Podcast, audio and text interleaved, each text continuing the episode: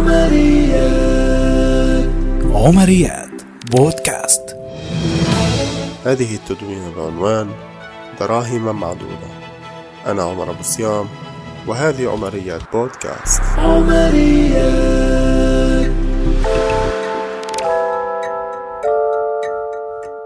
ما هي أجمل هدية حصلت عليها في حياتك؟ هل كانت لوحة فنية أم تذكارا؟ في ذكرى محببة إلى قلبك؟ أم هي قصيدة من بطن شاعر فذ أرسلته يد القدر؟ هل تبدو لك هذه الهدايا رخيصة؟ هل تفضل أن يكون السؤال ما هي أثمن هدية حصلت عليها في حياتك؟ هل كانت مجموعة من العطور الفرنسية؟ أم مجموعة من الملابس باهظة الثمن التي لا يلبسها سوى المشاهير من الصف الأول؟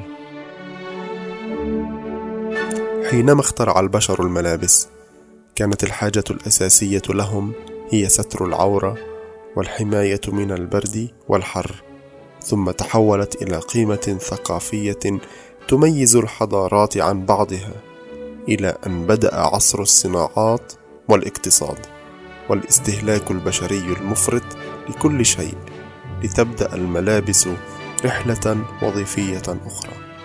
أنهت الملابس وظيفتها الأولى وانتقلت للعمل كمساحة إعلانية حرة. استغلتها الشركات الاقتصادية في البداية لتشكيل ما يسمى بالبراندينج أو الترويج للمنتوجات من خلال الإنسان وهذا ما يطلق عليه بتشييء الإنسان أو تسليعه وتحويله إلى شيء يباع ويشترى. في مقاله الإنسان والشيء يرى المفكر الراحل عبد الوهاب المسيري أن الإنسان المعاصر تحول إلى آلة مسيرة فالتيشيرت خاصته عبارة عن إعلان لشركة كوكاكولا ومنزله الذي يعيش فيه يخلو من أي خصوصية ويبنى وفق النظم الحديثة الباردة لا شيء يهم فيها سوى الشكل الجميل من الخارج. كما أن الطعام الذي كان فيما مضى لا يؤكل إلا باجتماع الأفراد عليه بات عبارة عن وجبة سريعة تؤكل بشكل فردي أثناء السير أو خلال الانهماك في العمل. وهذه عادة دخيلة على الجنس البشري وتعني التخلي عن مجموعة ضخمة من القيم الإنسانية المهمة مثل أن يجلس المرء مع أفراد أسرته أو أصدقائه في شكل حلقة ليتناول الطعام معهم فيتحدثون في مواضيع شتى فالإنسان هو من يأنس بغيره.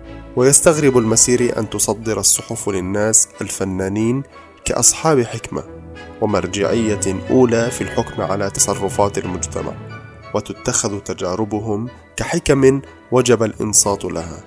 رغم أن أقصى ما تعرفه الكثير من الفنانات لا يتعدى حدود جسدها المغري الذي وإن كان كذلك إلا أنه يبقى ماديا محدودا. وقد ينافي الكثير من القيم والأخلاقيات الإنسانية التي ترى بالإنسان مادة من أجل التعامل معها قبل أن يكون كيانا من لحم ودم معجون بالمشاعر ومخبوز بالقيم. يكمن الخطر في أن نأخذ الحكمة من أفواه مشاهير التيك توك ونجمات السينما ومؤثري الإنستغرام ذلك أنه مدخل لإعادة النظر في رؤية الإنسان لنفسه وتصوره لذاته وللكون بشكل مادي بحت غير واع وغير أخلاقي يقوم على الحكم على الناس وفق ثرواتهم ومناصبهم أو عدد متابعيهم. وينادون بالتمرد على المجتمع والتحرر من مسؤوليات الفرد اتجاهه ويدأبون على الاستهتار بقيمه الأخلاقية بادعاء الانفتاح والتطور.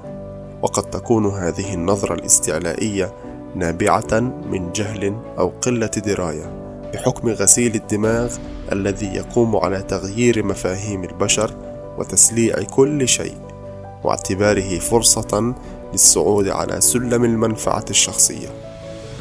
نعيش اليوم في مجتمعات ديمقراطية رأسمالية، مجتمعات حرة تتمتع باقتصاد حر ويمكن للبعض أن يرى في ذلك ميزات كبرى.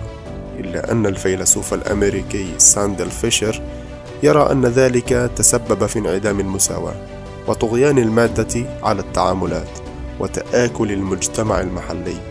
مما كان له أكبر الأثر.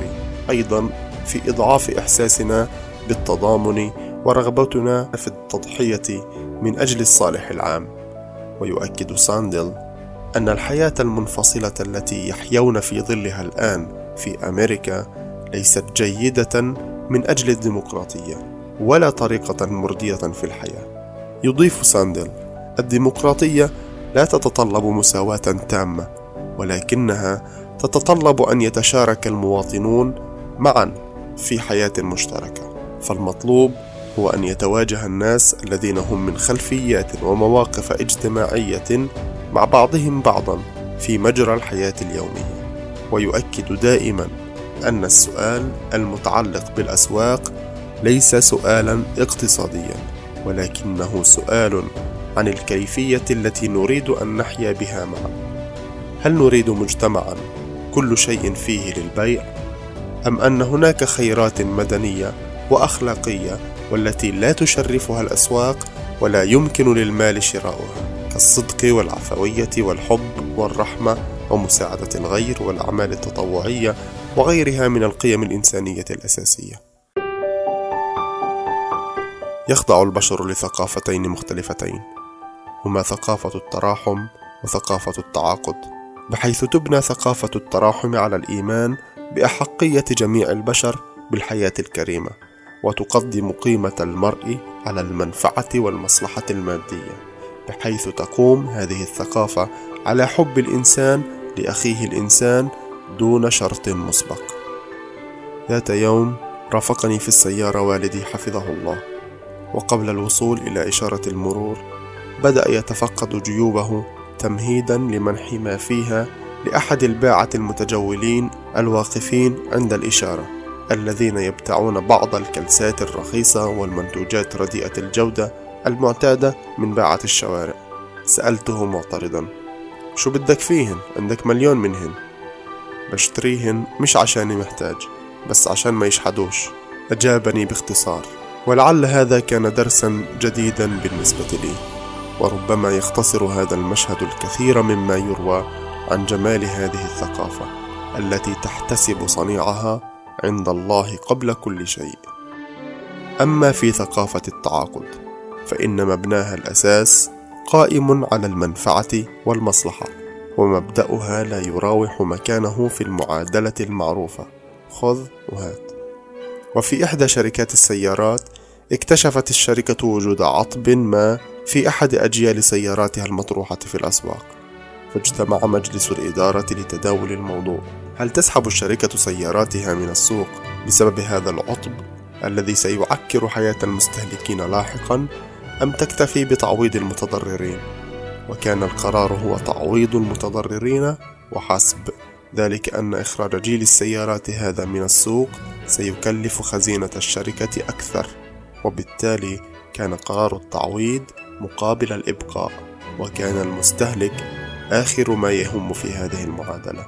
في مقارنة أخرى بين الثقافتين التراحمية والتعاقدية. أذكر أن الواحد منا في صغره كان إذا وصلته هدية يحاذر فتحها ويتأمل غلافها كثيرا قبل فضه سوى بعد يوم أو يومين من أجل أن يستأنس أكثر بغلافها دون اهتمام كبير لمحتواها. وفي زماننا هذا صار حجم الحب والمودة مرهونا بثمن الهدية ومقياسا لصدق المشاعر وبنت وسائل التواصل الاجتماعي قيمة الهدية وفق عدد من يشاهدها ويتفاعل معها. وبذلك تتحول الهدية من قيمة إنسانية بذاتها إلى ثمن محدد. وتخرج من الإطار التراحمي الذي تكتسب فيه الهدية قيمة إنسانية بحتة إلى الإطار التعاقدي الذي يبني قيمة الهدية على ثمنها وكميتها وقدرها.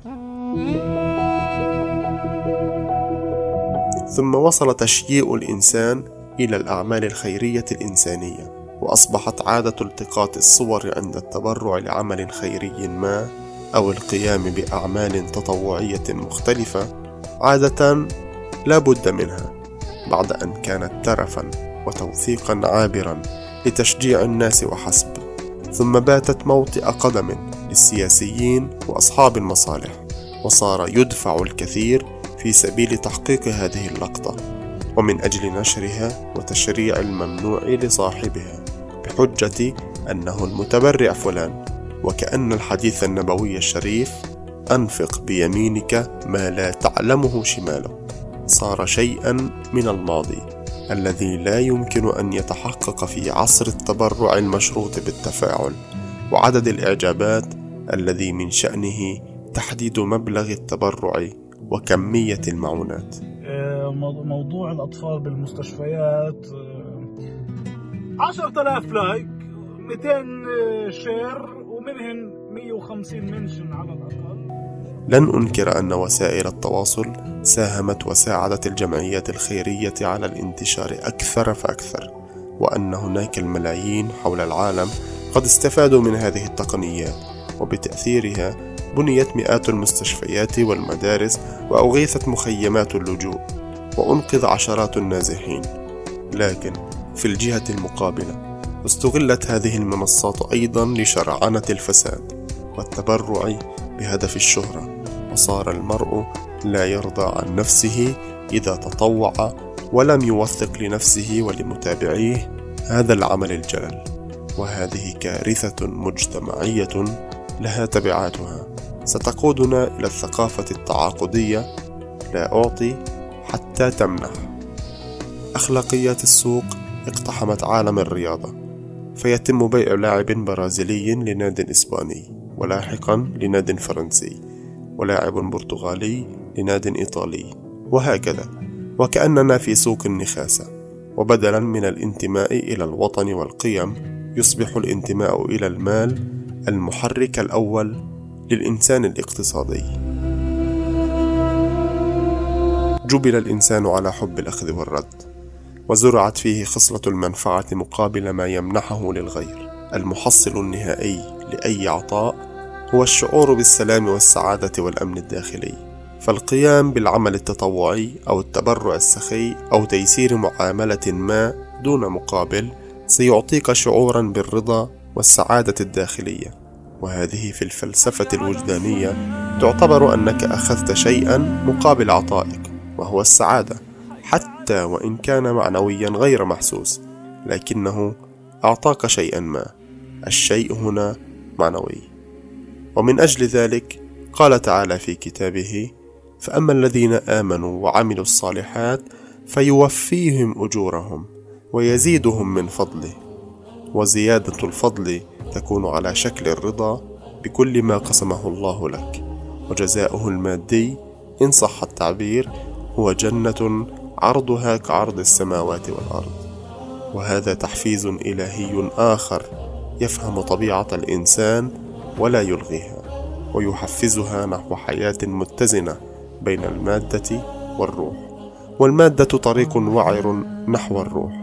قد تضل الطريق وتنتهي بك إلى جهنم البؤس والرقد في حلقة مفرغة من الشكليات وتوقعك في بئر المصالح الذي لا قعر له. المتكبر الخالق أخيرا هذه التدوينة ليست دعوة لتعطيل مسيرة العمل والركون في زاوية العزلة عن العالم بل إن اليد العليا خير من اليد السفلى ويد العامل يحبها الله ورسوله.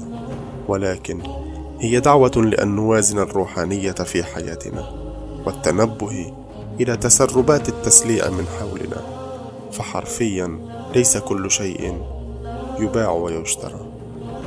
آمل أنكم قد استمتعتم بما قدمته لكم وإلى لقاء قادم في الأسبوع المقبل في عمرية جديدة. إلى اللقاء. عمريات. عمريات. بودكاست.